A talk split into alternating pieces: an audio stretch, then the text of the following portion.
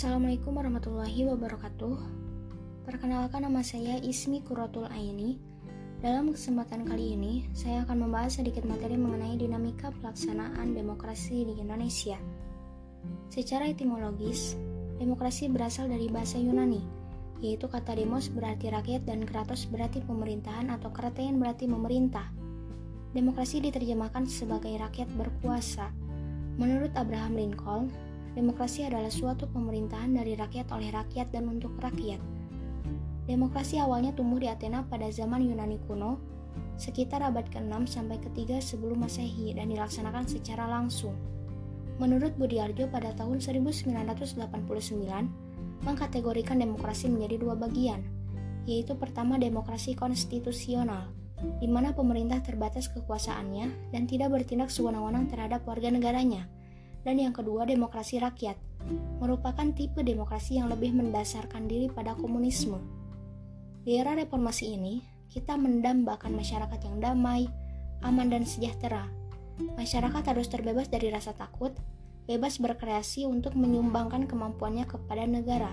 Peristiwa penting yang dilakukan PPKI tanggal 18 Agustus 1945 yaitu disahkannya Undang-Undang Dasar 1945 sebagai Undang-Undang Dasar Negara Republik Indonesia, Pancasila sebagai dasar negara Republik Indonesia, ditetapkannya Soekarno-Hatta sebagai Presiden dan Wakil Presiden, ditetapkannya Komite Nasional Indonesia Pusat sebagai badan pembantu presiden dan dianggap sebagai MPR dan DPR. Sistem pemerintahan demokrasi yang pernah ada di Indonesia di antaranya yaitu demokrasi liberal, demokrasi terpimpin, dan demokrasi Pancasila demokrasi liberal pada tahun 1945 sampai 1959. Diawali dengan keluarnya maklumat pemerintah tanggal 3 November 1945 yang memperbolehkan membentuk multi partai. Tanggal 14 November 1945 terbentuk susunan kabinet dengan sistem parlementer. Pengakuan kedaulatan negara Republik Indonesia oleh Belanda tanggal 27 Desember 1949 menandai berlakunya konstitusi dan bentuk negara Republik Indonesia Serikat.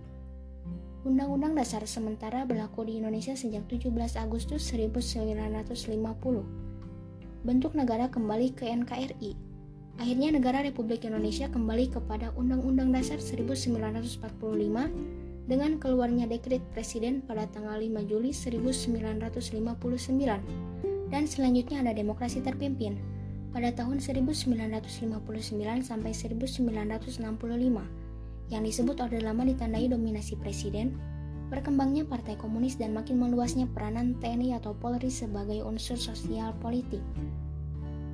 Penyelewengan yang terjadi adalah terbentuknya Nasakom, pengangkatan Presiden Soekarno sebagai presiden seumur hidup, pembubaran DPR oleh presiden, dan Orde Lama berakhir setelah meletusnya pemberontakan G30 SPKI Orde Baru di bawah pimpinan Soeharto sebagai pengemban super semar bertekad melaksanakan Pancasila dan Undang-Undang Dasar 1945 secara murni dan konsekuen.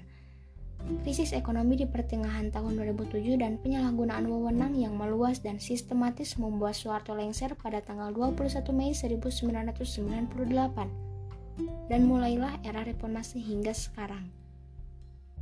Di masa Orde Baru dan era reformasi berlaku demokrasi Pancasila yaitu demokrasi yang berintikan sila keempat Pancasila dan diintegrasikan dengan sila-sila lain dalam Pancasila. Pemilu sebagai wujud budaya demokrasi di Indonesia pertama kali dilaksanakan di Indonesia pada tahun 1955. Pemilu di masa Orde Baru diselenggarakan setiap lima tahun sekali. Di tahun 2004, untuk pertama kalinya diselenggarakan pemilu untuk memilih calon legislatif serta presiden dan wakilnya secara langsung oleh rakyat. Sekian pembahasan materi dari saya. Mohon maaf bila banyak kesalahan. Wassalamualaikum warahmatullahi wabarakatuh.